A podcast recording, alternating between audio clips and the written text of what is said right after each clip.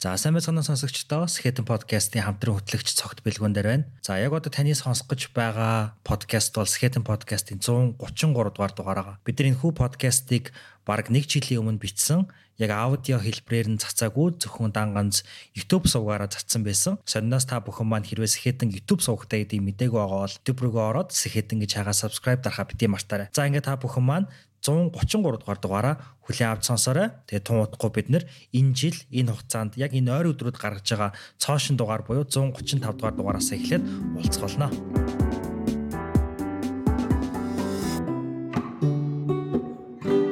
А Скетэн подкастын зорилго бол Скетэн гэдэг бол хүрхцэг биш явах зам юм гэдэг энэ зорилгыг түгээх байдаг.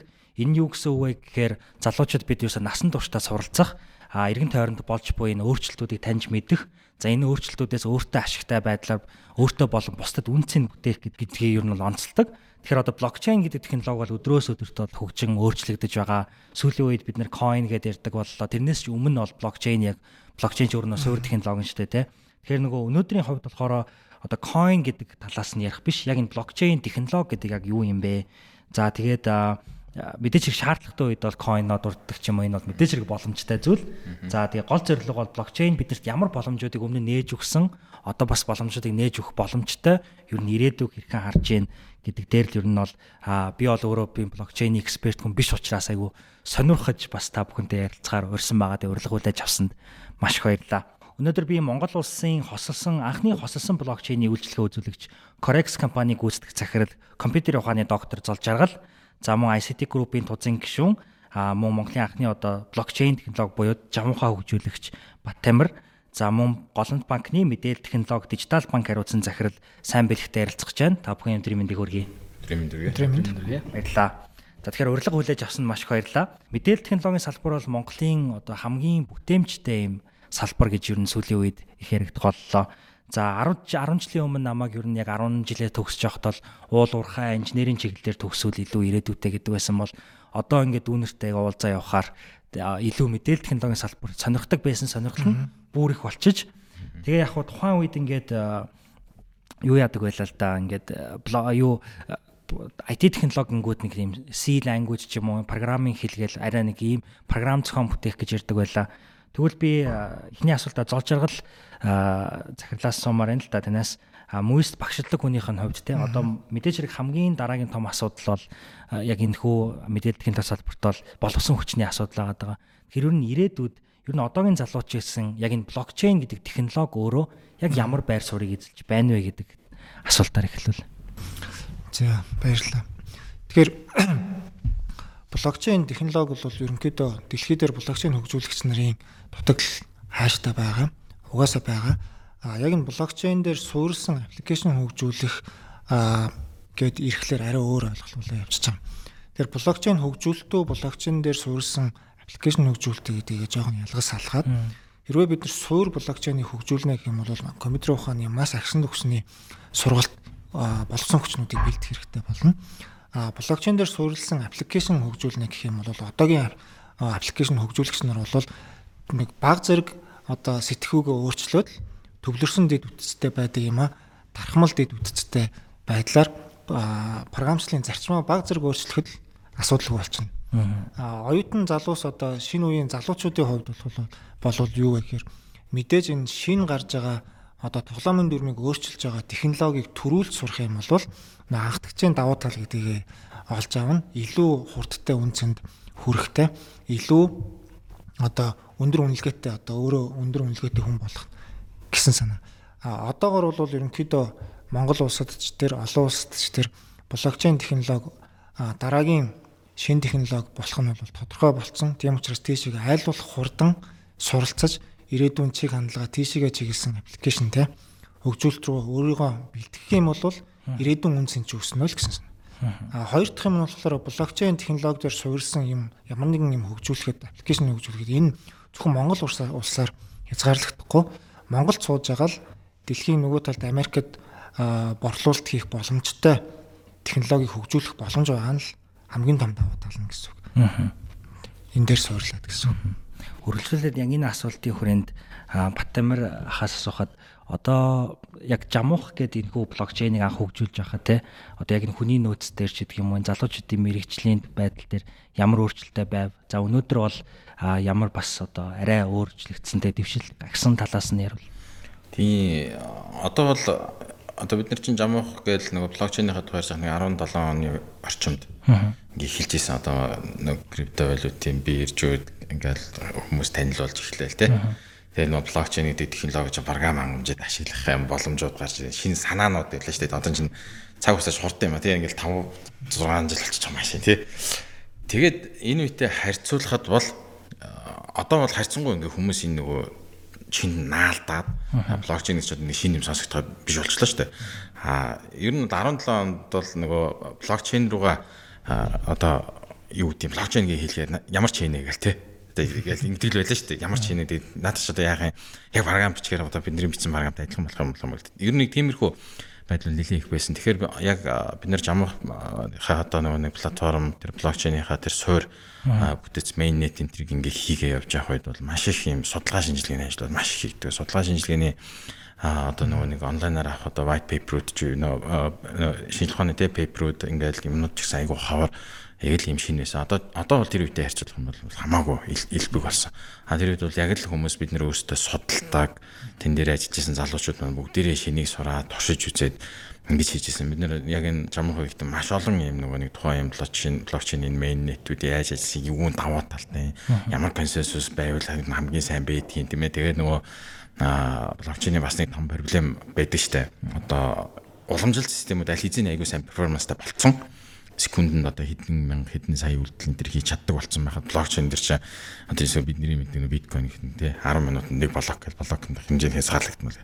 Тэнгууд нь л нөгөө секундэд хийх транзакшны тоо, минутанд хийх транзакшны тоо хурдан болох юм. Тэгэл энэ болгон дээр чинь маш олон юм судалгаанууд хийгдчихэж а энэ хийгддэг. Тэгэхээр бол нэлээд тийм тухайн үед бол чаленж юм байсан. Одоо бол харьцангуй нөгөө хөгжүүлэлт маань нэлээ олон янзын хөгжүүлэлтийн аргуудыг үзэж эхлэе. Олон юм шат дамжлаар л одоо нөө олон технологи гэх юм да тий олон технологи туршаад одоо л энэ харьцангуй гайгүй л болж байна. А Монголын хувьд ч гэсэн программистууд тийм хувьд нэг үеуд бол 17 оны харьцуулбал хамаагүй л дээр болно шүү дээ. Энэ бас нөгөө а саяын 21 оны энэ криптовалютын Монголд үсэн хөөсрөлтөө ч гэсэн одоо хөөсрөлөх юм да тий одоо нэг халуурлж хийж хэллээ шүү дээ.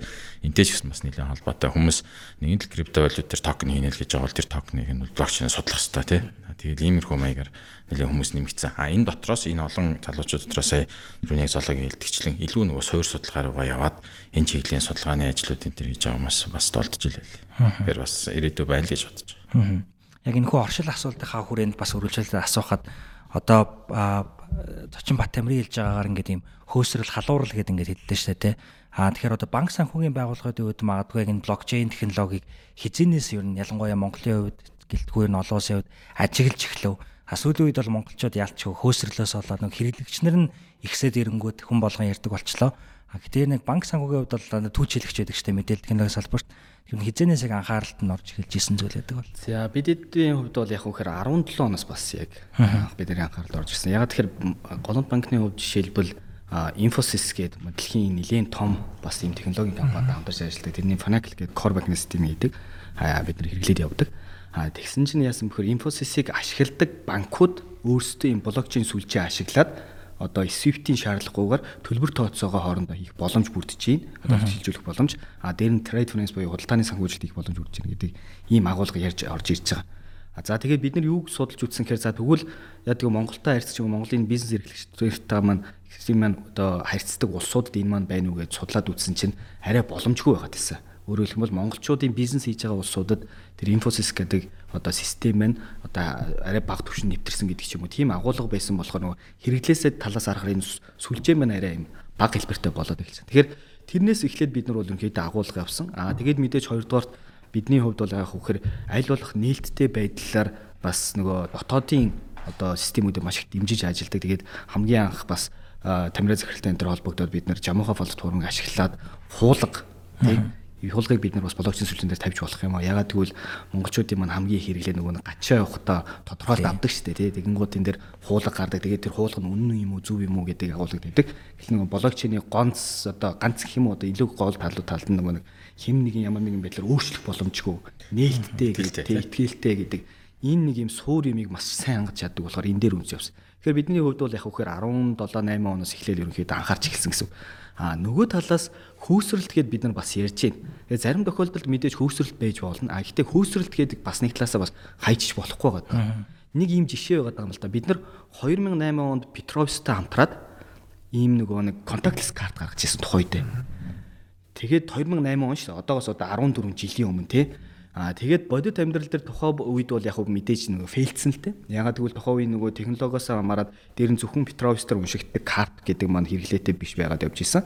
Аа гэхдээ яг хэрэглээн дээр хизээ орж ирсэн гэхээр ялангуяа 2018 оноос бүх банкуд contactless карт гаргаад ирэхээр хэрэглээн дээр орж ирж байгаа. Аа гэхдээ бид би юу гэж бодоод байгаа вөхөр тэнд бид нар ингээд 10 жил алдсан байгаа байхгүй.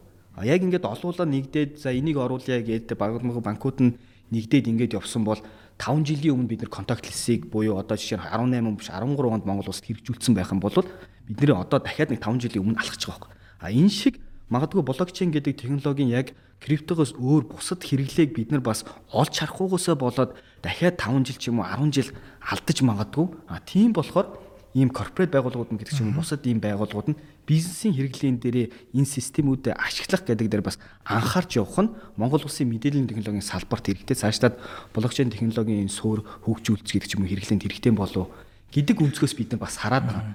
Мэдээж яг өнөөдөр бидэрт бол ашиг юу авахгүй очихгүй. Гэтэ ягаад гэвэл бид нар ч ингээ нэг манлаж түүчилж явна гэдгээр явах хөөр бид нар хамтарч энэ технологиудыг суурлуулж дээр нь бусад хөгжингөө орнуудтайгаа өрсөлдөж гэдэг ч юм уу те.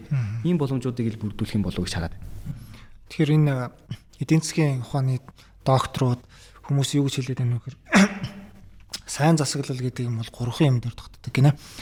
Нэг нь болохоор шилэн transparent, нэг нь болохоор бүртгэх боломжтой бүх юмыг бүртгэдэг accountable гэж байгаа. Гурав дахь нь болохоор хариу өгөх боломжтой, хариу сайн өгдөг responsible гэдэг.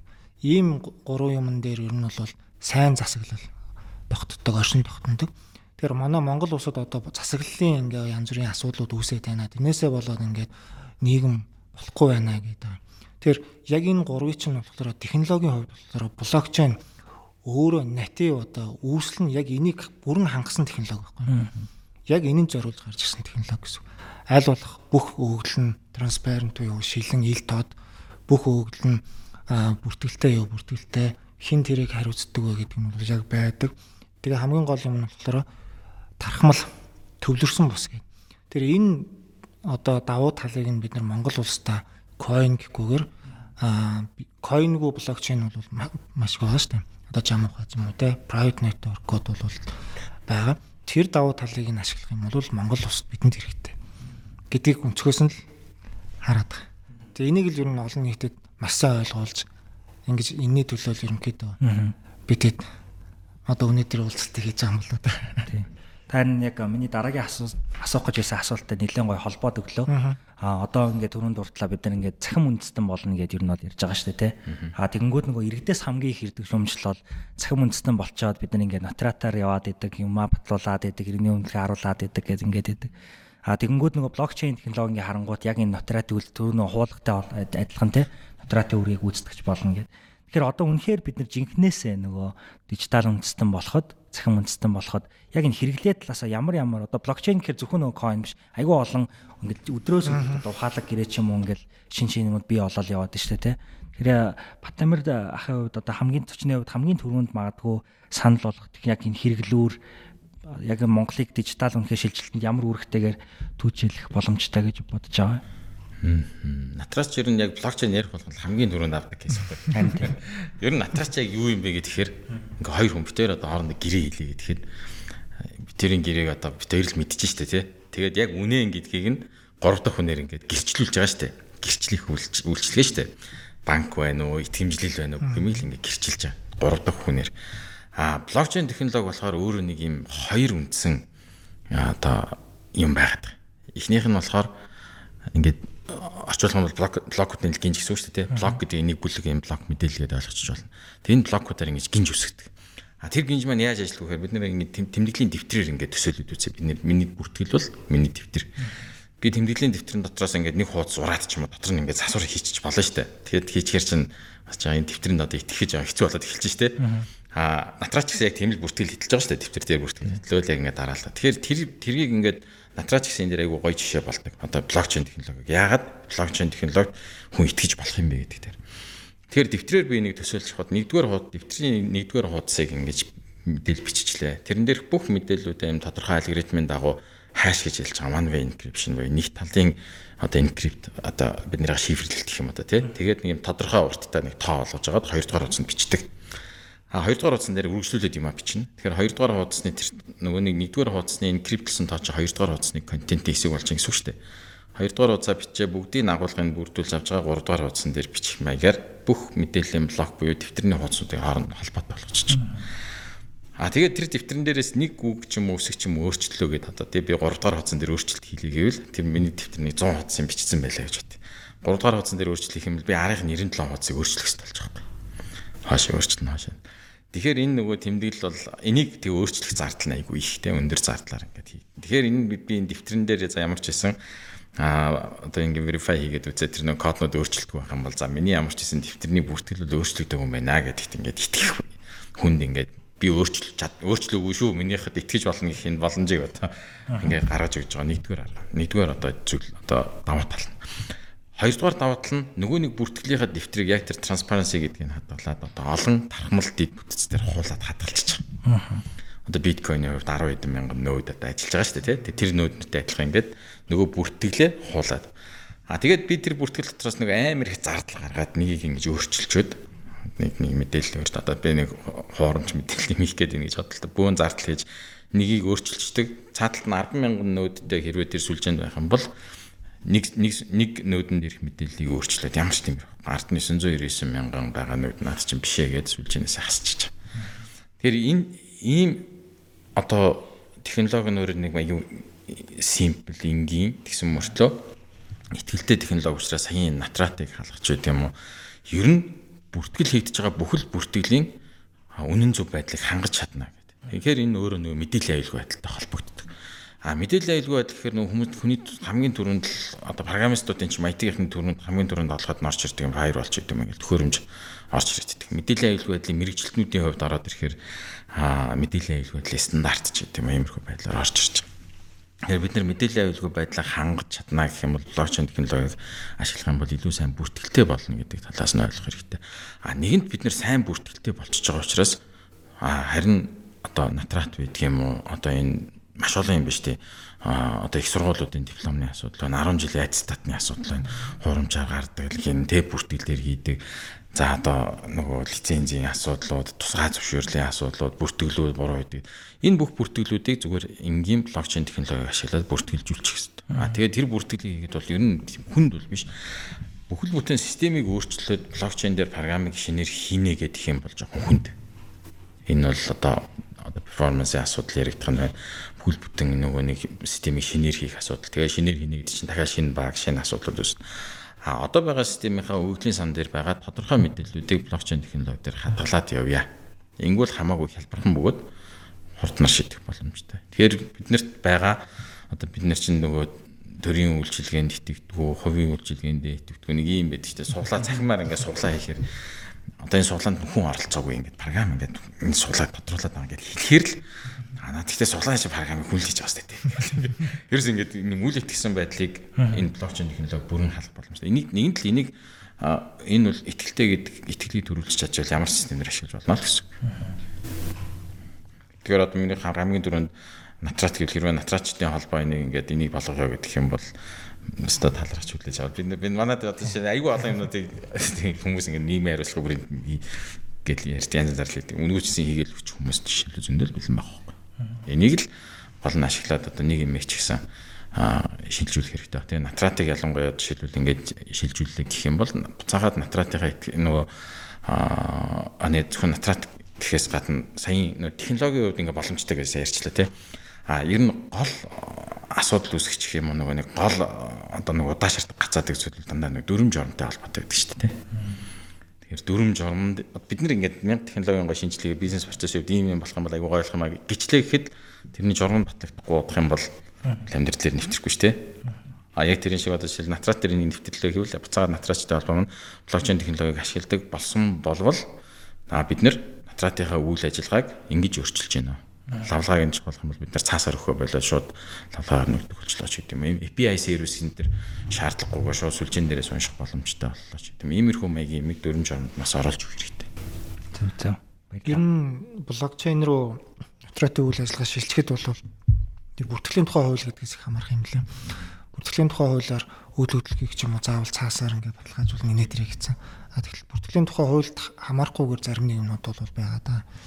Тэрийг бол ерөнхийдөө оруулж болохоор тэгтээ тэр бол нотариатаас нэг хамааралгүй ч юм уу те явчих болохоор.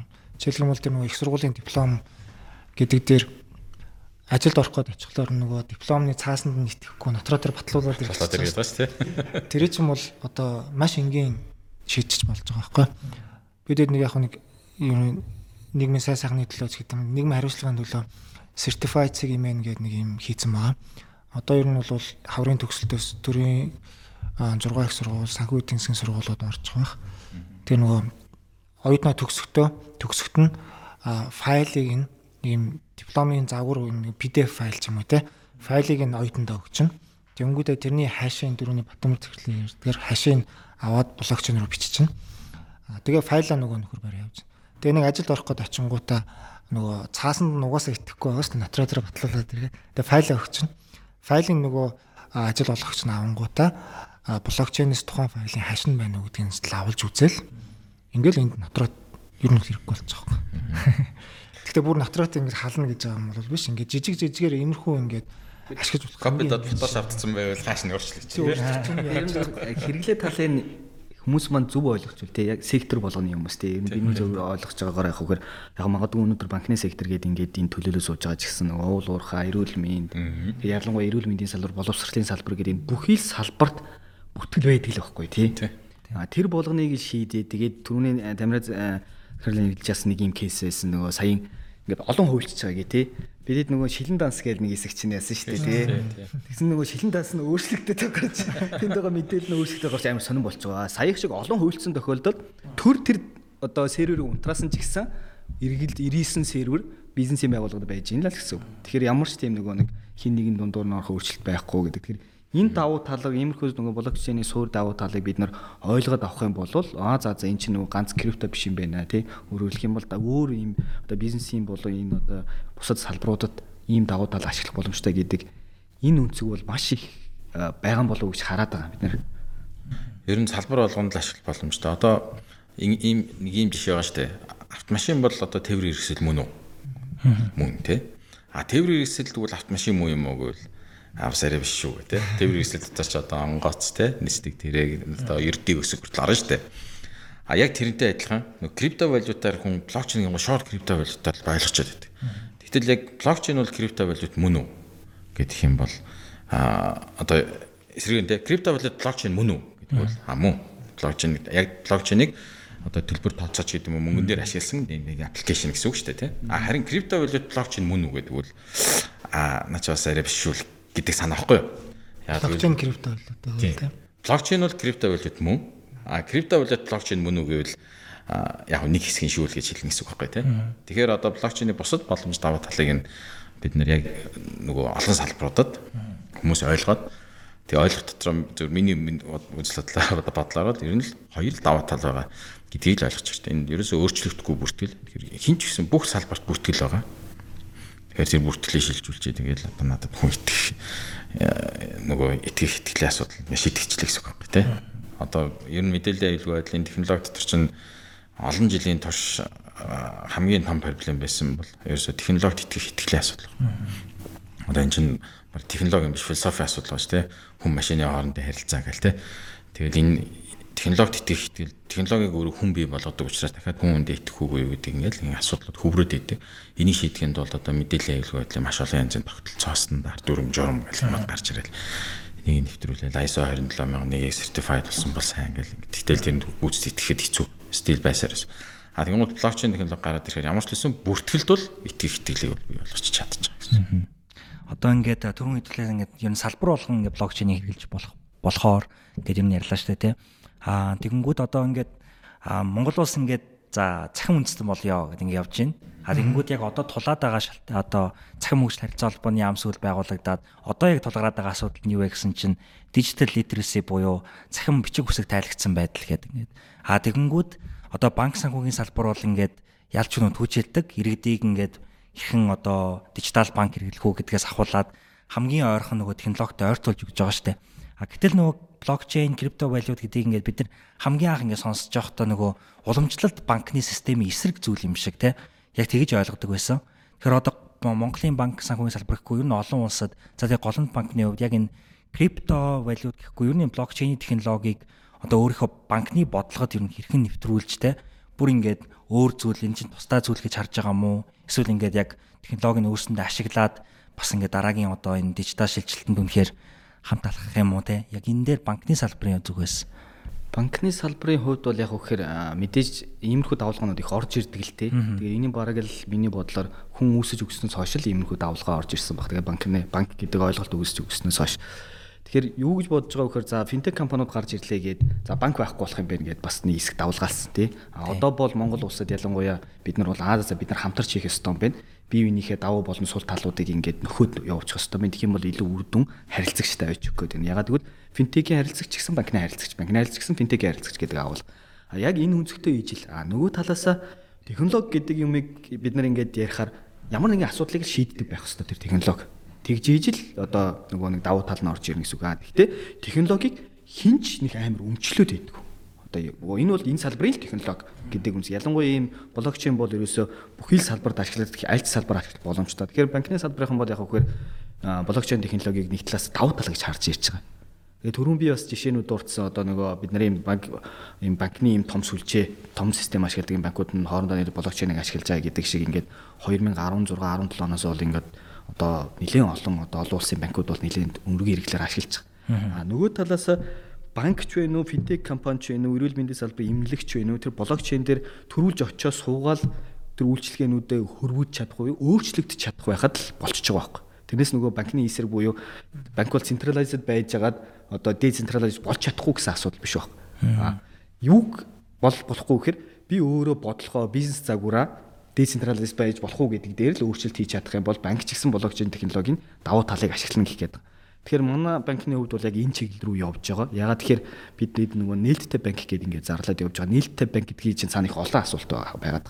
Нээлттэй гэдэг нь за мэдээж бид нар дид бүтсээ ингээд гаргаж өгч чинь бизнес загвараа бас өөрчлөөд нээлттэй болох юм байна. А дээр нь одоо энэ нээлттэй гэдэг чинь нөгөө нэг нууцлал аюулгүй байдал чинь бас энийг хадгалж авах явууч хэвээр байна гэд.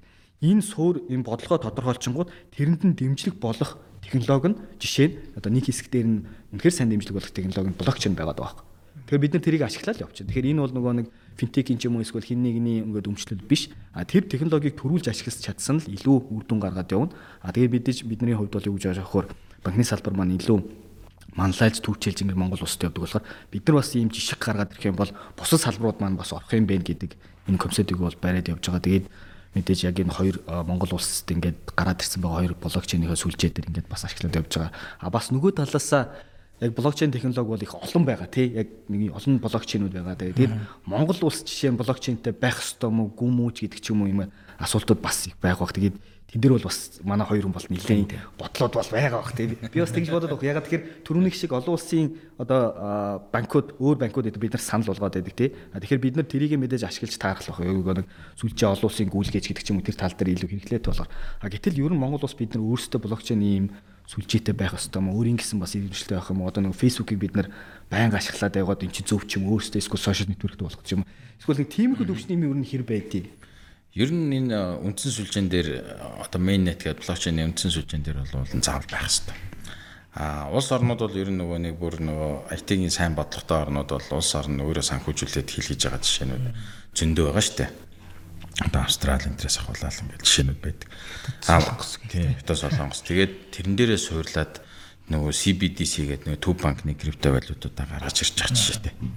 Тэгэхээр нөгөө төв банкны криптовалют ч өөрөө үндсэн нөгөө нэг тухайн орны валютайгаа ингээд яг гоё зөгцсөн тий. Тэгээд нөгөө уламжлалт мөнгөний бодлогыг шинэ криптовалютад суурилсан мөнгөний бодлого руу шилжүүлэх юм тэргээд энэ аюу олон давуу талуудыг бий болгож ирж байна. А одоо бидний хувьд бол жишээлбэл ингээд нөгөө өөрийн үндэсний блокчейний сүлжээ хийнэ гэдэг ингээд олон янзын технологиг судлаад туршаад ингээд үдсэн хүний хувьд энэ өөр маш их зардалтай. Аа тэгээд нөгөө түрүүний блокчейний чинь хоёр даваа тал ба штэ. Гол хүндрэл. Бид нар яг техник технологи талаасаа нөгөө ингээд юм шийдчихдэг. Нөгөө олон нүүдийг хаана өсөх вэ? Блокчейний чинь гол асуудал тархмал сүлжээ штэ. Тэгэхээр одоо ингээд юу гэдэг нөгөө 2-1 атак энтер дарчихгүй тулд ингээд тий 5 10 20 50 болдвол чадвал 100 мянган юм нүүдтэй болно гэд. Тэгэхээр тэр чинь дахиад хэрэглээнд оруулахын тулд өөрсд нөгөө бизнесийн явдаж их айгүй их зардлууд гардаг. Тэгэхээр энийг бодлогоор одоо яах ёстой юм бэл. Одоо улс өөрөө бүр бодлогоор ингээд дэмжих ёстой. А энэ бол зайлшгүй чухал. Ерөөсөө технологийн яг мэдээллийн технологийн хэд хэд юм давлгаанууд ингээд ер нь нэг дунджаар нэг 10 жилийн зайтай юм давлгаанууд болоод байгаа юм. Одоо жишээлбэл 90-ад онд ингээд электроникийн ингээд аюул том давлгаа гарч ирсэн. Тэр үед Монгол улс өөрсдөө уулна аа би одоо энийг бас ярьчлээсэн жишээлтэй. Монгол улс өөрсдөө манай электроникийн инженерүүд чинь нөгөө ардын хурлаж, улсын хурлмууд гэдэг ингээд задлахад ингээд хүмүүс энэ доороо саналаа өгдөг тэр системийг монголчууд өөрсдөө хийцэн байсан шүү дээ. Аа тэгээд компьютерууд хийдэг байлаа тийм манел гэл компьютерууд Pioneer гэл Pioneer гэл 80 донд ч ингээд 5 зэрэг компьютер энтер хийжсэн баахгүй одоо тухайн политехникийн дэс одоо шүтээс юм шиг байна тий. Тэгээд муйс энтергээ сургуулиуд дээр компьютерууд хийгдэжсэн. Харамсалтай нь 90 оноос хойш хэрч одоо эдэн жилийн 30 жил үү? 30 жилийн дараа гэхдээ бид нэр хоёрсдыг харуул 100% импортлж байна. За 99.9 ч юм уу тий. Хувь ингээд дандаа импортлж байна. Айгуу зөөх юм авч байна. Одоо компьютер сервер гаргацсан. Бүгд импорт. За 2000-ад он руу хүрээд ирлээ. Тэгвэл ингээд юу гэдэг нэг сошиал сүлжээ нэг ингээд яг дөнгөж би хай тав гэж хэлээ л тий. Эсвэл Монголд тун дурсан жимэн гэдэг сайт байлаа шүү дээ. Айгуу боо 4 сарын дотор л үүдээ 80 мянган хэрэглэж мэлжтэй болоод ингээд хүмүүс хүүхдүүд сургуулаа төгсөнгуудаа монтаж оруулаад эхэлдэг нэг тийм сайт байсан. Айгуу өндөр хэрэглээтэй. За тэгээд одоо бодох юм бол 2007 онд тэр програм зураг таагалдаг функцтэй байсан. Аа тэгээд Facebook 2009 онд зураг таагалдаг болсон байдаг байхгүй тэгээд ингээд 2 жилийн өмнө А тэгээд яг тэр үед нөгөө нэг Монголын одоо одооных шиг жишээлбэл ингээд стартапыг нэмждэг хөрөнгө оруулагч моруулагч экосистем тийм байхгүй л шүү дээ тий. Тэгээд тэрийг нөгөө нэг манай нөгөө их сургуулийн ангийн хүүхд хийсэн болохоор би сайн мэдээд байгаа байхгүй. Тэгээд тэгээд нөгөө бид нар чинь нийлж байгаа л нөгөө нэг нэг юм хийж байгаа юм чинь чадлаараа л нөгөө хөө дэмжээл оптимайз центр хийгээд нэлээд сайжруулаад гэсэн боловч олон хэрэгч ороод ирэхээр яа харахгүй нөгөө сүүл рүүгээ нөгөө сервер нь дэлхээ болоод тэгээд сервер хөдөлж авах юм хэрэгтэй мөнгө байхгүй төлбөртэй тусам агаашнаас нь хүн орох байсан тэгээд босч.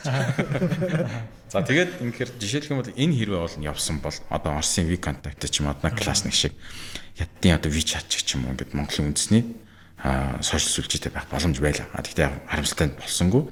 Одоо жилд янз янзын тооцоо гардаг юм шиг үлээ одоо хэл жил 10 20 сая доллар ч үлээ ингээд буст Facebook-ын буст нь одоо төлдөг болчихжээ ч хэлдэг. Янз янзын тоонод байна. Тэгэхээр сошиал сүлжээ гэдэг асар том зах зээлийг одоо бид нар бусал мөн үндэсний системгээр ингээ алтцсан. 2010 он ингээд ороод ирэхээр 10 оны одоо 10 жил клауд юм яригдана.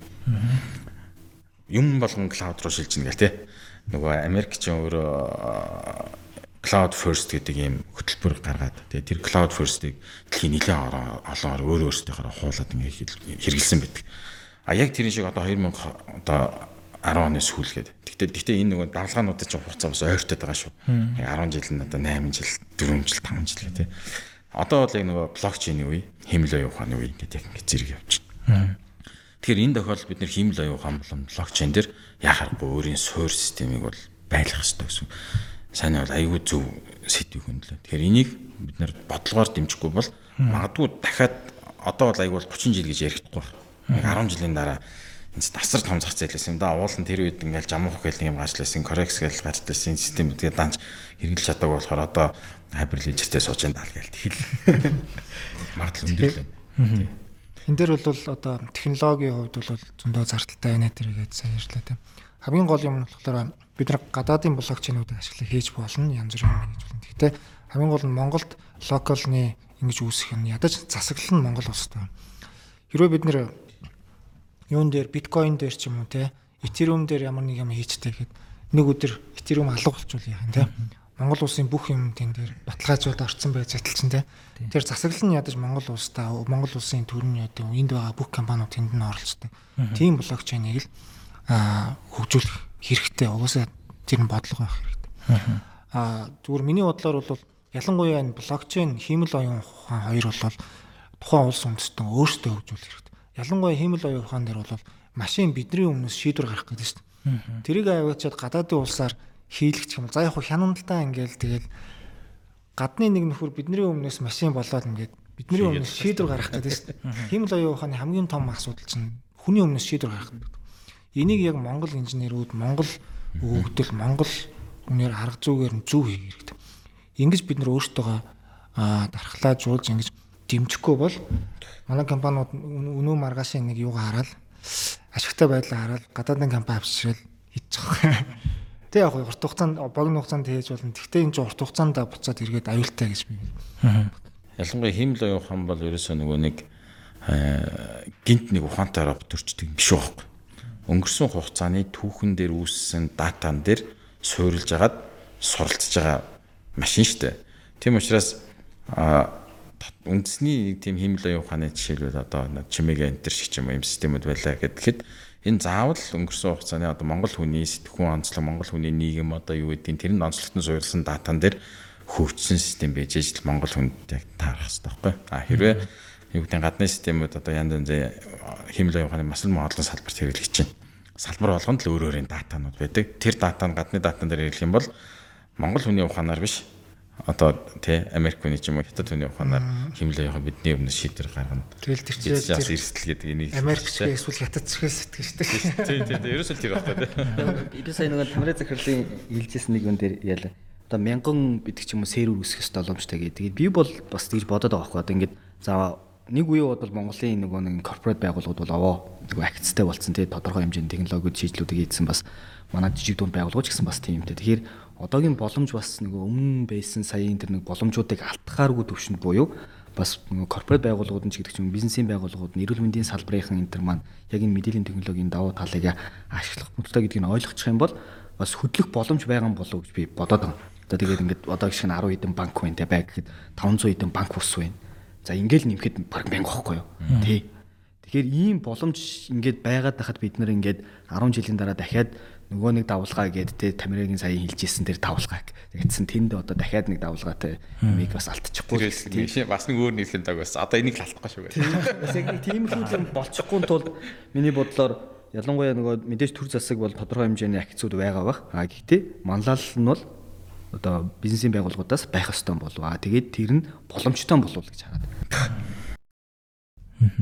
Би зол жаргал зочноос үргэлжлэл асуумаар байна л да. Одоо энэ Орос Украины дайны үеэр Украины засгийн газар бол ингээд гадны улс орнууд ард иргэдээс хандив гуйсан. Хандив гуйхтаа ингээд өөрийнхөө одоо биткойн, этериум юмнуудаа тавиад тэгээд 60 сая ам доллартай тэмцэх хэмжээний 60 нуу 70 сарын өмнөх тоо а долларын хэмжээний юм хандив ингээд гаднаас авцсан. А тэгсэн чинь нөгөө Оросд бас ингээд айгүйх олон хоригууд бий болж байгаа шүү дээ. Тэрнээс улбалаад Оросын хэрэглэгч нар бас одоо энэ хөө крипто валютуудын хэрэглээ нэмэгдээд эхэлж байгаа. Аа тэгээд дээрэс нь нөгөө санкцуудаас болоод олигархууд нь ч юм уу яг энэ хөө бит хөө валют крипто валютыг ашиглаад нөгөө өөрсдийнхөө хөрөнгийг тийшээ ингэж урсгах юм уу тийм юмнууд байгаа эрсдэл үүсэж байгаа болохоор одоо барууныхан бол ингээд баг криптог ингээд крипто валют блокчейнийг баг Оросд унтраах боломжтой юу гэдэг ийм хүсэлтийг Европын холбоо хүртэл ингээд явсан юмнууд харагдаж байна. А гэтэл түр нөгөө бодлого биднэрт хэрэгтэй юм байна гэдэг. Нөгөө яг мэрэгчлэнүүд нь болохоор энийг хууль бусал болгож болохгүй. Тэгэхээр нөгөө түрүүний ярьсан нөгөө транспарент байх, нээлттэй байх, яг нөгөө үндсэн ёс зүйрүүгээ халдах гэдэг болохоор ингэж болохгүй гэдэг юм лээ. Энэ бодлого гингүүт яг ямар бодлогыг ер нь олон улсад жишг нь одоо яг юу юм бол? Улс болгон ер нь бол бодлого яг ингэн ингэн гэсэн хуульчилсан юм бол одоогор бол бүр байхгүй байна. А бид нар ч гэндээ ингээл бирж крипто бирж юм уу блокчейн дээр ямар хууль журам байна гэж судлаа үзэхлээр яг эцсийн байдлаар бол гарсан юм бол байхгүй. Гэтэ ингээд тухайн үе үе болгонд ингээл нэг юм гаргахлаар тухайн кейс болгон дээр нь тохируулсан журам ингээл гаргаал яваад байгаа шүү. Яг крипто валютын хувьд бол А блокчейний хувьд бол энэ блокчейн паблик блокчейн, хувийн блокчейн нэтэр гэдэг юмнууд бол байгаа. Тэрийг яаж хөгжүүлэх үү гэдэг бодлого юм бол байгаа гэсэн. А би ерөнхийдөө нөгөө крипто валют саяны шиг юм санхүүгийн зах зээлийн хүн биш болохоор нэг сайн юу байхгүй. Тэгвэл ер нь бол блокчейн өөрөө юм тархмал одоо биткойн дээр ихэд 10 гаруй мянган компьютер ажиллаж байна. Тэрийг бүгдийг унтраа гэдэг чинь угаасаа боломжгүй. Учираас унтраач чадахгүй байна. Аа тэрүүгээр орж тэр биткойны крипто валютын ертөнц рүү орж гардаг хаалга нь юу вэ гэхээр төвлөрсөн крипто валютын биржүүд байгаа байхгүй мөнгөө оруулаад гарна. Тэгэхээр тэр биржин дээр нь л ингэж янз бүрийн журам, хууль журам гаргаж ингэж хориг тавиад байгаа гэсэн. Өөрөлдөх юм тэр бирж рүү хэн мөнгө оруулж байгаа гэдэг нь бол тэнд байгаа даа гэсэн. А тэгтэл нөгөө талд болохоор биржүүдийн гадна талд юм P2P буюу шууд ингээ хоёр хүний хоорондын шууд шилжүүлэг нэг ямар ч биржтэй хамааралгүй юмнууд байдаг учраас энийг бол угаасаа хааж чадахгүй гэсэн үг. А тэгэхээр блокчейнийг яг улс үндэстэн бол яаж хэрэглэх ёстой вэ гэхээр тэр крипто валют гэхээсээ илүүтэйгээр нөгөө бизнесийн үйл ажиллагаанд ажиллагаандаа мэдээлэл солилцох тал руугаа илүү ашиглавал илүү өрөөгөөжтэй байх байх гэж бодож байна. За баярлалаа. А би үргэлжлүүлээд точин сайн зураг асуумаар байна. А блокчейн бол одоо дараагийн аж үйлдвэрлэлийн хувьсгалын гол технологи энэ төр гэдэг байгаа шүү дээ. Тэгэнгүүт банк санхүүгийн байгууллагад дээр саяд нэлээд ярьлаа. Энэ өгөгдөл дататай суурилсан банкны үйлчлэгийн тухайн хэрэглэгчд яг юм тохирсон юмыг өгөхийг open banking буюу нээлттэй банк гэдэг байгаа юм байна гэж би өөр нь өөрөнгө ойлголоо. За голланд банкны хувьд тэгэнгүүт яг энэ нээлттэй банк гэд одоо яг энэ бодлогоо ер нь баримтлаа явж байгаа шүү дээ. Энд дээр яг ямар технологиудыг хэрхэн хэрэгжилж байгаа вэ гэдгийг тайлбарлаж өгвөл.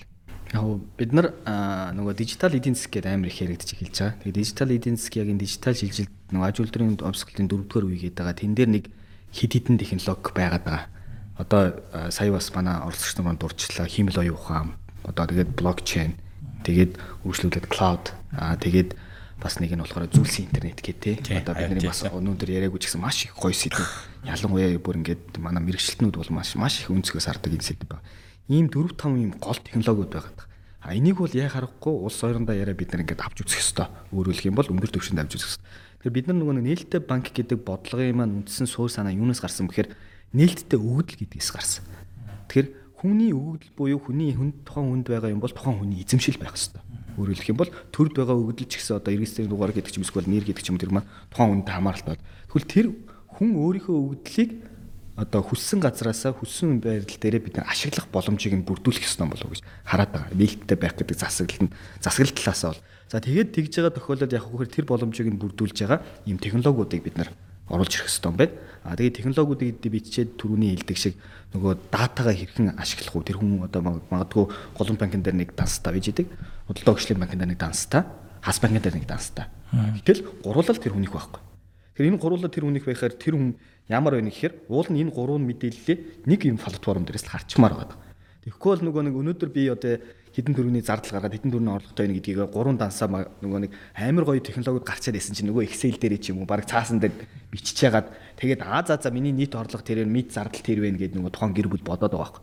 Тэгэхээр нээлттэй банкны бодлого гэдэг маань яг вөхөр ийм ийм давхар ажлыг ерөөсөө хийхгүйгээр банкуд нь бусад байгууллагууд нь хоорондоо ингээд датагаа ширэлцэх юм бол яг энэ байдлаар тухайн хүн нэг платформ дээрээ авах боломжтой. Тэр нь голомт банкны платформ байна уу? Эсвэл одоо нэг финтек компанийн платформ байна уу? Бүр цаашлах юм бол бүр худалдааны сайт платформ байна уу? Хамаагүй. Ягаад тэгэхээр тэр хүн магадгүй ажиллаа тэр худалдааны сайтны платформ дээр хийдэг гэж бол. Эсвэл эрүүл мэндийн салбарын хүн эрүүл мэндийн салбар дээр нийт цагийнхаа 90% зарцуулдаг гэж болох байхгүй. Тэгээд нэг санхүүгийнхээ мэг харахын төлөө олон ажил болоод гурван банкны систем рүү орж яхаар тэр эрүүл мэндийн салбарынхаа платформ дээр тэр санхүүгийн мэдээллийг харчихъя гэж.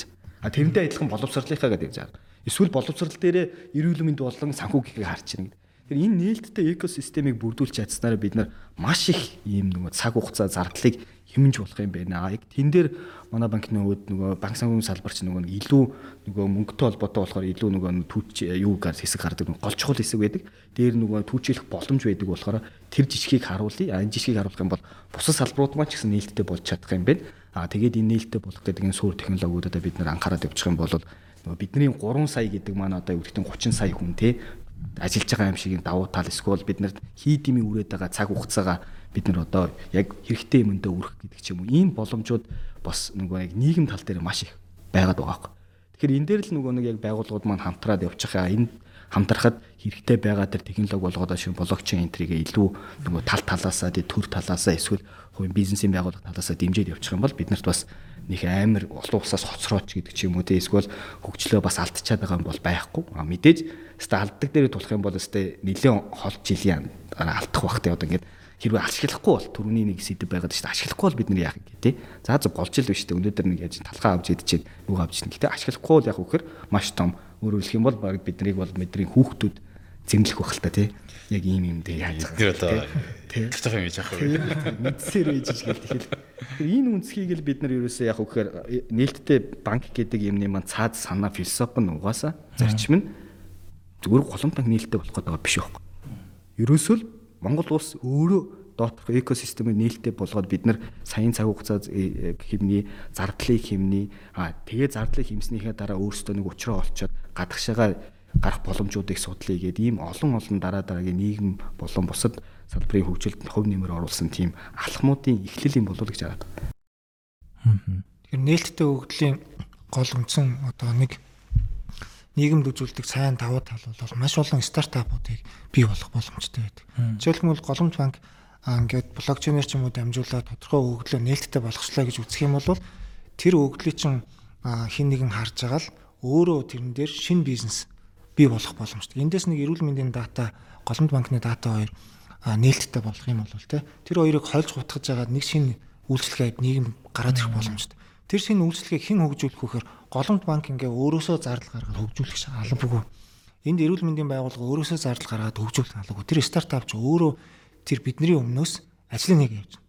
Яг үүнтэй адилхан төр яг энэ open data их яригддаг хөр ерөөсөө төрлүүлэлт чиглэдэг байхгүй төр зарим open байх ёстой өгөгдлөө нээж тавих юм бол төр өөрөө тендер зарлаа өөрөөсөө зардал гаргаад систем болон янз бүрийн бизнесүүдийг хөгжүүлэх гэдэг шаардлага байхгүй. Тэр өгөгдөл төр чинь суурлаад бизнесүүд системүүд өөрсдөө хөгжөөд эцсийн хэрэглэгч иргэнд маш үр өгөөжтэй технологи үйлчлэгнүүд очих боломжтой болчихж болчтой. Жишээлх юм бол за цаг хэрэг гэсэн юм гэдэг. Одоо жишээлх юм бол манайд ч ингээд нөгөө автобусныхаа GPS-ийн өгөгдлийг нээлттэй болгоод чи гэж байгаа л нэг арай ч юм уу болсон. Тэн дээр нь ингээд зөндөө олон аппликейшн хөөрхөн хөөрхөн юм ийм л те. Төр хийж чадахгүй байх чинь тэр чинь дорн хийчих. Шинэ оюутны диплом ажиллаар рестарт апууд, найзууд цугларч байгаа л гэдэг ч юм. Нийгмийн сайн сайхны төлөө ICT групп хэдэн програмчдууд зүгээр хоббигоороо хийгээл өчөж байгаа байхгүй тийм. Одоо энэ Монголд бол ер нь яг нээлттэй одоо нэг ярьсных тий. Нээлттэй өгөгдөл гэдэг юм бол аюул чухал. Нээлттэй өгөгдлөөсөө банк байна уу, бусад салбар байна уу? Аль салбараас үл хамаарч төрийн хувийн хвшлийн гэдгээс үл хамаарч маш их мэдээллийг нээлттэй гаргаж, нээлттэй өгөгдөл гаргаж шүү дээ. Тэгэхээр нээлттэй өгөгдөл, нээлттэй мэдээлэл хэрэг хүмүүсийг холдъё. За, нээлттэй өгөгдөл хэрэг чинь машин readable байх дээ. Anonymous хийгдэн. Тэр чинь мэдээллийг нээлттэй болголоо гэдээ хувь хүний нууц руу халдаж болохгүй шүү дээ, тий. Тэгэхээр хувь хүний нууцтай холбоотой мэдээллийг гаргаж байгаа юм ил болох дээ бизнесийн нууцтай холбоотой юм. Одоо зүгээр л биднэрт хамгийн энгийн жишээ одоо и баримт хийжлэл нээлттэй болох хэрэгтэй. И баримтыг нээлттэй болголоо гэвэл Монгол хүний худалдаа авалтын бай хаваарыг гаргаад ирэх стартап байна. Одоо сүлжээ дэлгүүрүүд тий. Одоо CEO ингээл хэдийн салбартай болно гэж явж байна. Салбараа хаана нээх вэ гэдгийг аа тэн дээр тооцоолох хэрэгтэй. Тэрнээс биш за тэдний сургуультай юм сургуулийн хажууд байгуулъя гэдгээр биш. Хаана байвал илүү эффектив байх юм бэ гэдгээсээ суурилж агаад Тэгээд дахиад тэр дэлгүүрчүүд юм уу үйлчлэгийн байгууллага салбараа хаана хийгээ тэн дээрээ тооцоолж одоо мэдчихэд дахиад дотроо би ямар бараа бүтээгдэхүүн зарах вэ гэдэг. Дахиад л одоо и баримтын энэ дата нээлт юм маш их юм. Ерөөсөө л Монгол улсын үйлдвэр худалдааны салбарт маш том дэвшил гарч байна. А энийг хий энэ төр ямар ч хийх хэрэг байхгүй. Тэр зүгээр л мэдээлэл нээлттэй болгож байгаа. Судалгааны байгууллагууд ороод ирнэ. Эрдэмжлэгийн байгууллагууд ороод ирнэ. Стартапууд гараад ирнэ Одоо энэ жишээ нь Финляндийн жишээ бил. Финляндийн жишээ 700 орчим нийтдээ ийм дата сет байдаг. Тэрэн дотор нөгөө нийгмийн халамж одоо тийм ээ нөгөө эрүүл мэнд зэнд ингээд бүх салбар нь бэждэг наадгал маадгал. А тэгэд тэрэг нээлттэй болонгууд тэн дээр нь суурилж хэдэн стартап биш нэрлэл бий болж гарч ирсэн. Тэр нь өөрөө цаашаа олон улсад ингээд гараа яваад гэж. Яг гэвэл нөгөө дата аналитикийн ингээд аюу том бизнес шинээр бий болоод ирж штэ. А тэгээд хид хідэн орнууд та open data-ны улс улсуудын open data-ны сайтуудыг ороод үзээрэй. Зорилго нь юу вэ гэхээр энийг ашигла энтерпренерүүдэд зориулв гэж байна. Тэрийг ингээ хийхээр ерөөсө шинэ бизнесүүд, шинэ санаанууд энэс маш их төрж гарна. Тэгэхээр энэ open data гэдэг дахиад энд ерөөсө өөрсдөө хүлэх хэсгүй юм шиг байна. Олон юм нээлттэй болох тусмал хүнд ингээд шинэ санаа буцалж яадаг тий. Тэгээд тэрийг гоё дэмжиж байна. Үргэлжлүүлээд одоо яг н open data дээр яг блокчейн тэгвэл яг ямар үүрэг оролцоотой байж болохыг тайлбарлавал. Яг open data-ныхаа дахиад нөгөө датан дээр суурьс одоо жишээлбэл open data дээр суурлаад химэл оюуны сургалт хийх ч гэдэм үү биднэрт хэрэглэх. Дахиад open data чинь хэр үний юм бэ гэдэг асуудал ярих. Итгэлтэй юм бэ. Хэрвээ би open data одоо ямар нэг дата ажиллаад машин сургалт хийх гэж бол хэрвээ би яг үнэн зөв датан дээр сурахгүй бол машин буруул үр дүн худлаа датан дээр сурцсан машин буруул шийдвэр гаргана шүү дээ. Тийм учраас одоо тухайлбал бол одоо э хөгжүүлэлт хийдэг хүмүүс л мэдж байгаа. Манай дээр жишээл э-ийн нийт зардлын бараг 70 80% дата сет бэлтгэдэг гарч идэг. Дата сетэн дээр л асар их цагийг зарж идэг. А яг тэгэнгүүт open data гараад ирэнгүүт нөгөө блокчейн өөрөөр хэлбэл энэ дата сетний чинь дата нь өөрөө блокчейнээр баталгаажсан энэ бол итгэлтэй бүртгэл юм а гэдгийг л бид нэр батлаад өгчвөл дахиад одоо жишээлбэл бус дэлхийн босод оронд байхгүй давуу тал шүү дээ. Тэгвэл энэгээр Монгол улс энэ дээр хөрөнгө оруулалт. Одоо сая жишээлбэл эдийн засгийн ингээд нөгөө нээлттэй чөлөөт бүс болох гэн дээр хууль мүлгэн л яригдж штэ мэдээлэл технологийн чөлөөт бүс болох гэн дээр хууль гээл алианаас хуулиуд гараад тэгвэл эн чинь гараад ирснээрээ дэлхийн бусад хөрөнгө оруулагч IT-ийн технологийн тэр том гигант компаниудыг наашаа татахын тулд биднээс бас л нэг төлхөр хэрэгтэй штэ тий. Бас л олон даваа даваа тал. Тэрнийх нь нэг даваа тал нь Монгол улс ийм юм болон нээлттэй дата сет энэ дээр нь суурлаад нөгөө шинэ стартап бизнесүүд бий болох боломжтой гэдэг. Тэгээ одоо Монгол улс бас өөрсдөө даваа талыг олж харах хэрэгтэй юм бэл. Одоо Монгол улс нь 3 сая хүнтэй ингээд ландлокд гээл ингээд сул талууд ингээд яриад идэв. Тэгтэл Монгол улсад ямар нэг аппликейшн хийгээд амжилттай болчих юм бол Монгол улс өөр аяйгуу сайн өөр Монгол улс өөр юм IT-ийн нэг аппликейшн сэндбокс. Туршаа үзсэн гадагш очингууд манай дээр бол хэд хэдэн дэмжиж байгаа. Бид нэр нээлттэй ерхий шалгалтынхаа жишээг 19 он шилэн технологи болгож бүх real time засалттай болгочоод тэгээд Америкийн тэрнээс Кентроныхантай ингээд бол яг нөө хардварын хийсэн компани шүү. Тэрнийхэнтэй олцоход ерөөсө дэлхийд анхных юм real time scoring хийсэн. Тэгээд Монголд Монгол нэвт монголчин өөр өргөө удам тал нутагтаа 3 сая хүнтэй гэж байгаа боловч Монголын нэг элсдэр гэж шалгалт өгж байгаа хүүхдийн та хятад өгж байгаа хүүхдийн томтой харьцуулахыг цөөхөн штэ. А тэгтэл ийм өргөн газар нутаг дээр national wide туршигдсан систем гэж шууд харагдаж байгаа.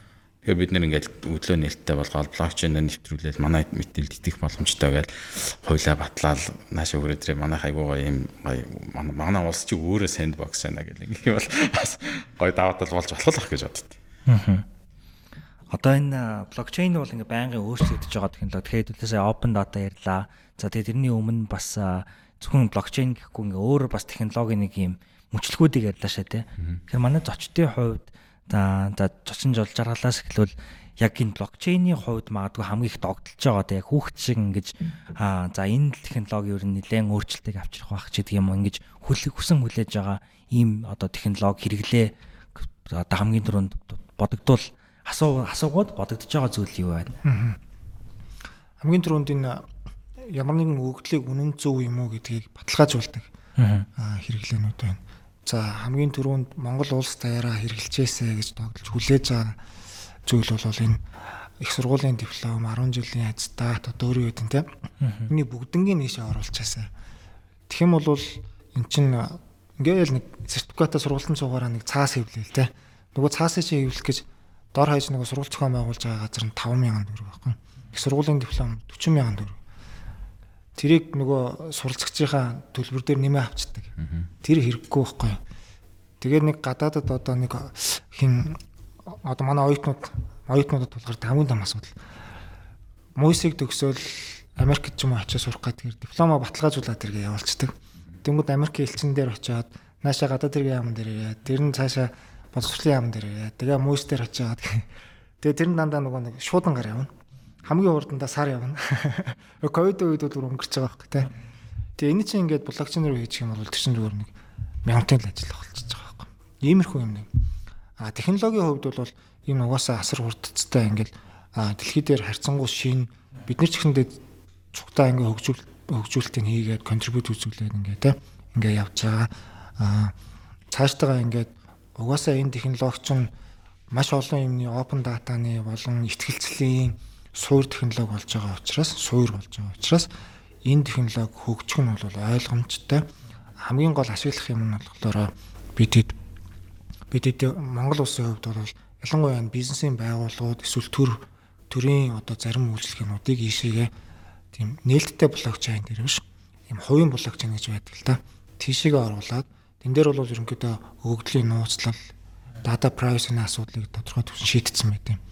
А иймэрхүү юмнуудаа оруулаад яг ямар бизнес блок болон процесстэй хамааралтай өгөгдлийг оруулах вэ гэдгийг зөв шийдээд оруулах юм бол нийгэмдээ энэ чинь өөр асар их даваа тал болох үйл зүйл байгаа байхгүй.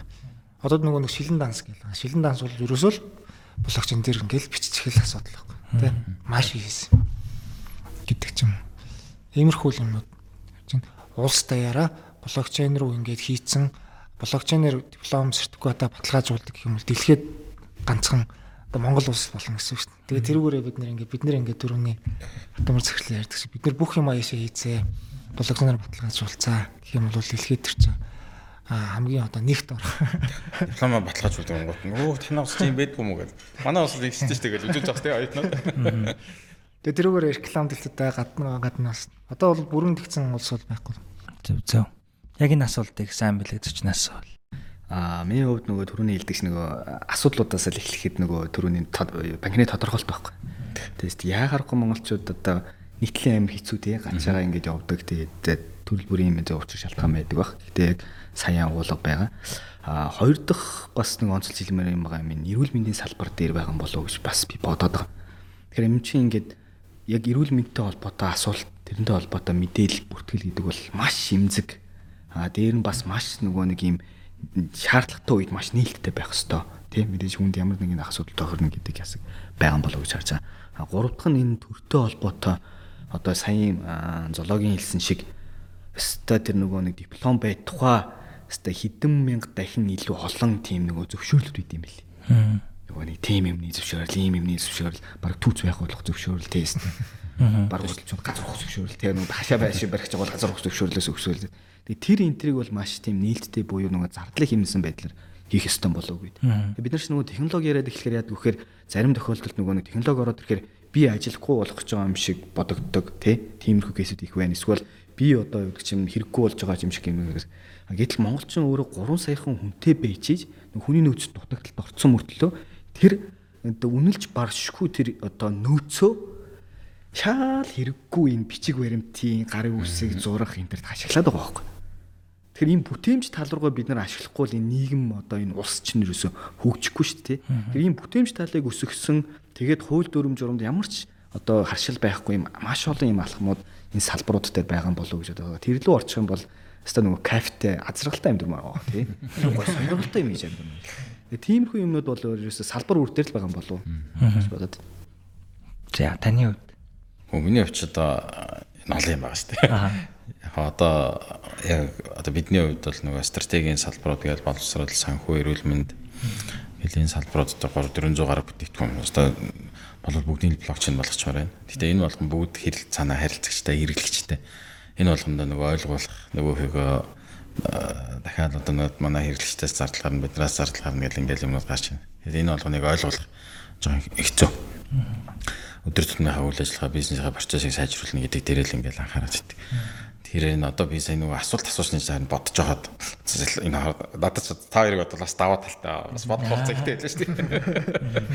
Тэгэхээр зөвхөн миний хувьд бол бараг натратыг болгомоор юм байна. Натратыг болгочих юм бол энэ хүн болгоны хэрэглээнд байгаа.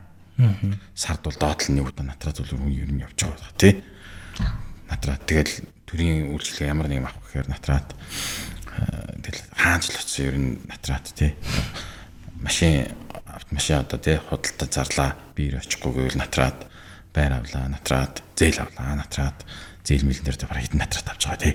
Ингээл тийм байж та тэгэхээр тэр болгоны ингээд хүн болгоны амьдралд ингээд ороод ирэхээр одоо энэ нөгөө насан туршсан иргэд ч юм бүгдээрээ аа энэ блокчейн гараад ирсэн миний бас натратын хэрэглээ багасчлаа шүү гэдгийг ойлгоч магадгүй баг. Тэгвэл яг биднэрт бол шууд эффект үзүүлээд эхэлнэ. Нөгөө нэг олон бүтээгдэхүүнүүдэд блокчейн суурьтай болгоё, бүртгэлийн блокчейн болгоё. Энэ тэргээр нэ харилцагч үйлчлүүлэгчтэй ойлгуулахад эвэртэл амар болох та. Өнөөдөр ингээ ярьсан сэдвүүдийг сонсонгууд айгу ихтгэлцлийн асуудал айгу хүндэл юм шиг санагдлаа. Одоо open data, нээлттэй data өгөгдөл гингүүд тэг ингээд ерөнхийдөө бол одоо нэг компани нөгөө компанитайгаа ингээд өгөгдлөө харилцан солилцоод дундаас нэг бүтээгдэхүүн гаргаж байгаа юм байна л гэж ерөнхийдөө баг ойлгохоор. Тэнгүү тэнд нэг хоёр одоо тоглогчийн ихтгэлцэл. За тэгээд иргэд бас технологитой итгэх итгэл. За төр хувийн хвшил хоорондоо итгэх итгэл гээд айгүй юм ихтгэлцлийн асуудлууд хамгийн гүн нэг суурин юм шиг. Тэгэхээр энэ ихтгэлцлийн асуудлыг магадгүй шийдэхэд хэцүү асуулт байж магадгүй л дээ. Ер нь яг эхлэх цэг нь юу юм бол гэдгийг танаас эхлүүл. Ихтгэлцлөө. За ер нь бол аа хоёр хүн хоёр тоглогч хоорондоо итгэхгүй болоод ирэхлээр гуравдагчийг оруулж ирж байгаа шүү дээ.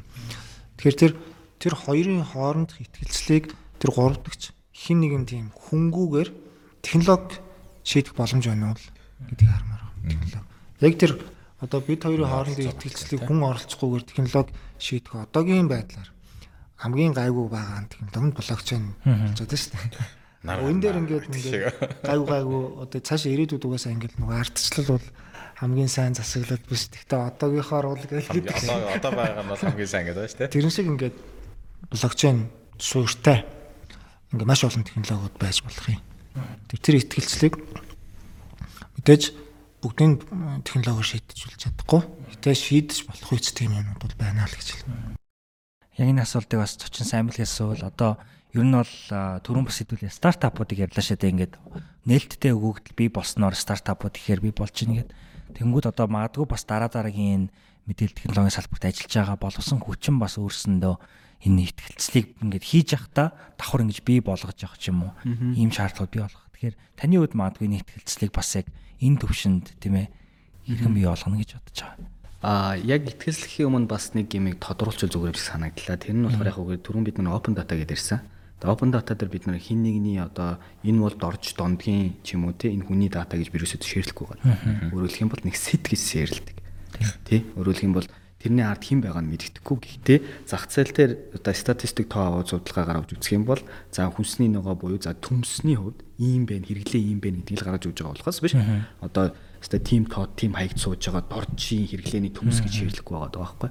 Тэгэхээр бид нар бас тийм боломж нь байгаа гэдгийг агуулга. А дээр нь дахиад блокчейн сүлжээж гисэн мэдээж нээлттэй байгаас гадна нөгөө private public гэдэг зоологийн бас хэлээд байсан тэр агуулгууд бас байгаад байгаа. Тэгээд би ягаад энийг ингээд тодруулж хэлээд байна гэхээр яг нөгөө бензин байгуулагч юм уу энийг хэрэглээгээ гаргаж байгаа иргэнч гэдэг ч юм уу нэг талаас аа за за би ч гэсэн privacy-тай штэ тий хувийн одоо мэдээллийг хамгаалах юмтай гэвэл яг тэр болгон дээр нь тохирсон юм бас шүдлүүд байгаад байгаа.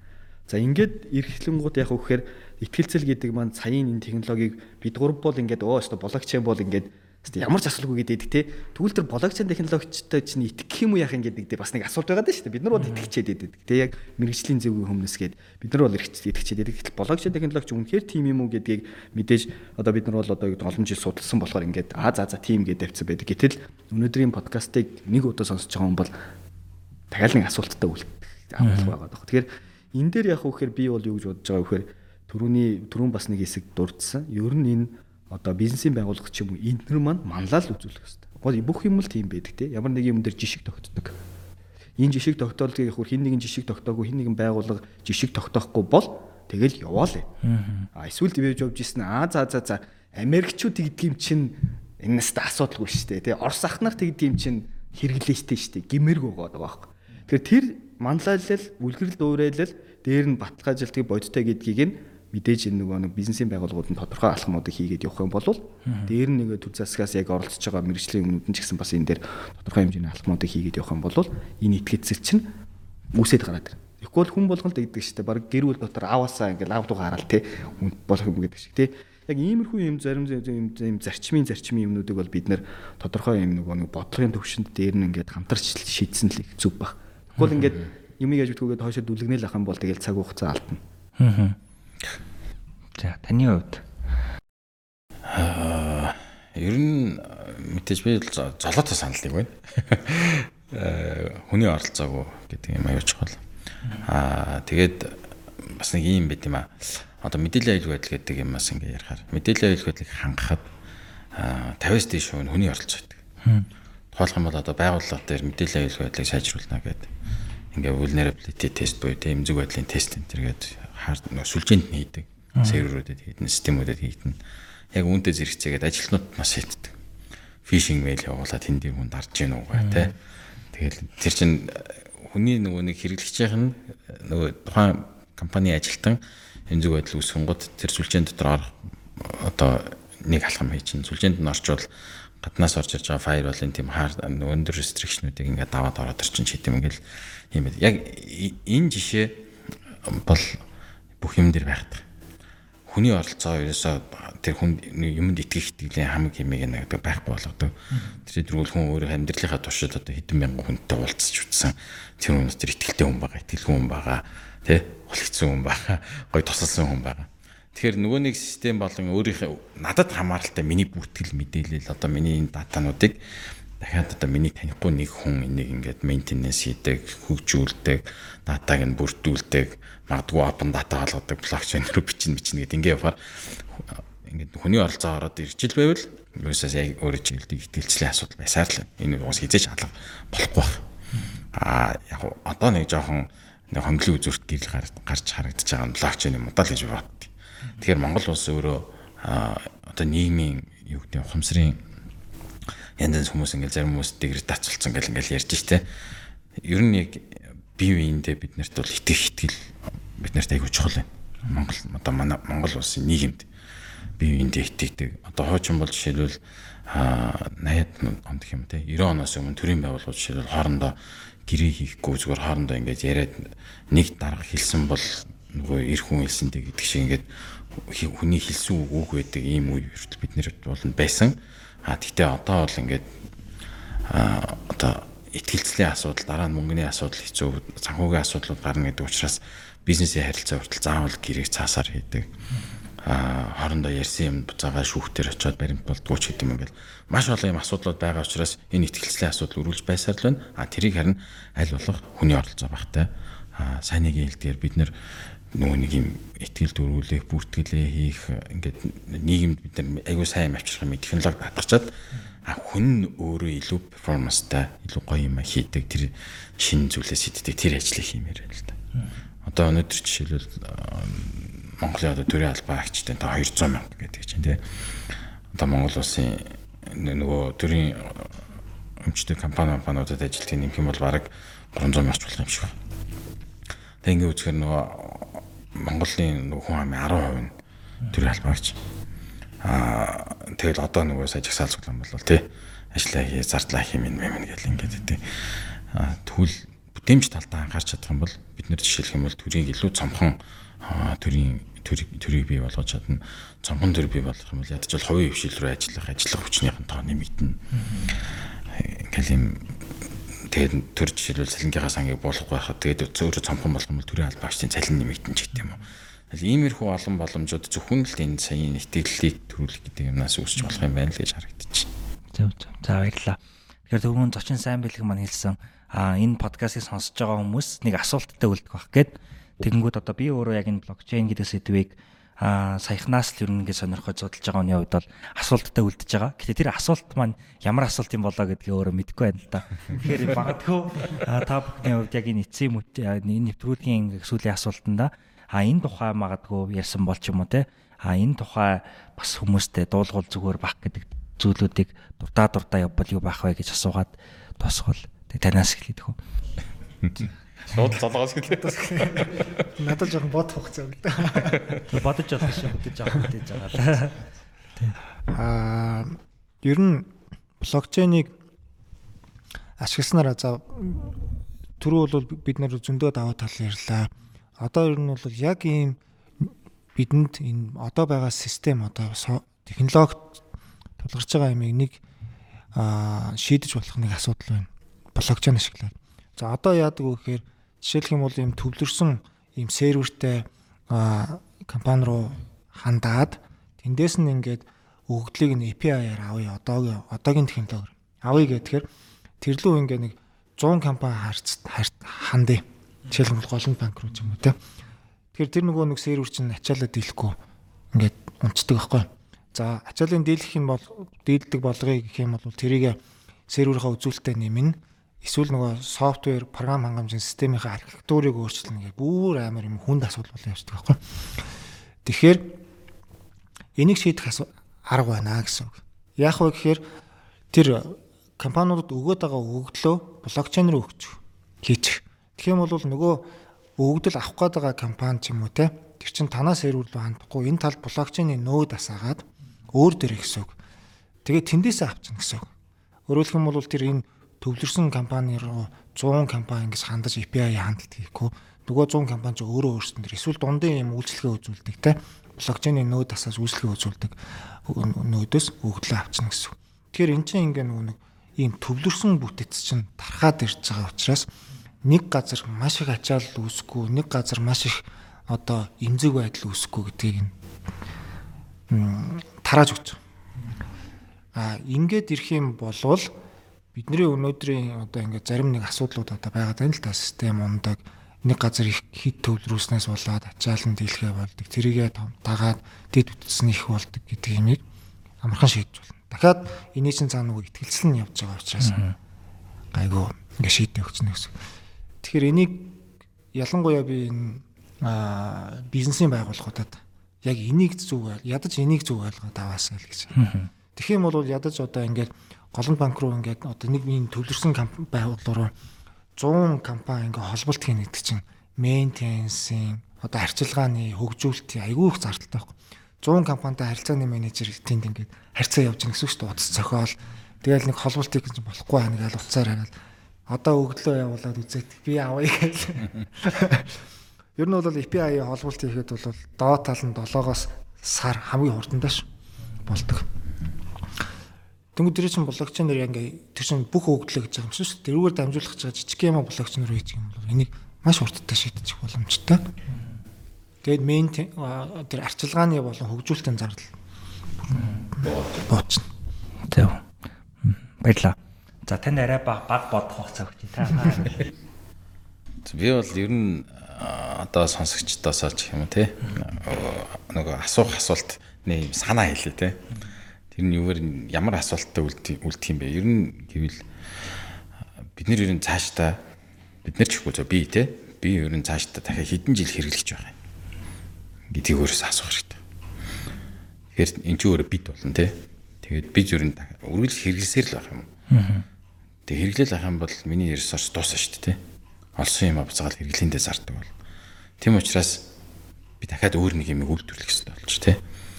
Нөгөө хэрэглээнийхаа задлыг нөгөө гадаад төлбөрийн тэнцэл гэдэг шиг те. Өөрийнхөө миний орлогоо тавуулж хэрэглэгээ яхахын тулд зарим юм өөрсдөө хийж сурах хэрэгтэй.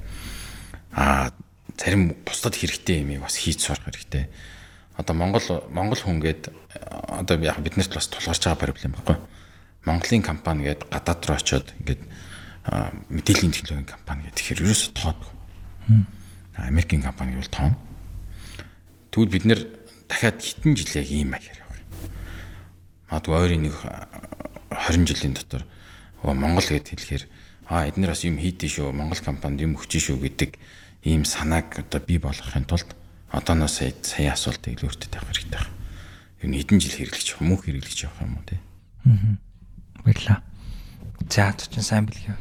За миний хувьд юу гэж бодож байна гэхээр бид нар нэг Монголын энэ одоо боловсрал нийгмийн салбарт нэг юм байгаа болов гэж бодод. Мэргэжтнүүд гэдэг юм тийм эксперт гэдэг. Энэ хүмүүстэй бас итгэх ёстой. А энэ хүмүүстэй боломж олох ёстой Тэгээ бид нар улс төр дээр маш их ярьдаг шүү дээ. Засгийн газар мэрэгчлээ хүмүүс бүрдээгүй байх гэдэг ч юм уу тийм байдаг. А яг энэ агуулгаараа бодох юм бол мэдээллийн технологийн салбар хамгийн цэвэр салбар. Өөрөөр хэлбэл мэрэгчлэнүүд нь яг бодтой явдаг. Дээр нь бидний өрсөлдөөн бол дэлхийд харагддаг. Бид нар нөгөө хүмүүстэй харьцуулагчдаг тий. Магадгүй ингээд эрүүл мэндийн салбарт энэ эмч сайн, тэр эмч сайн гэдгийг харьцуулахад их хэцүү бах миний бодлоор магадгүй Орос улсаас байгаа эмч, Монголын эмч хоёр. А мэдээллийн технологийн салбар бол тийм биш байхгүй Там Баттамир блокчейнийг ямар байна гэдэг юм нь олон улсад Америкт байгаа блокчейнingтэй шууд харьцуулдаг. Тэр энэ харьцуулагдж байгаа буюу ийм эрүүл салбарынхаа мэрэгчлэнүүтээ итгэж хэл гэдэг. Аа тэрний үр дүн Монгол улсын 3 сая хүн 3.4 сая хүн хүрч чадах уу гэдэг одоо асуулт байж магадгүй. Тэгвэл чаднаа. А бид нар чаднаа л гэхэд.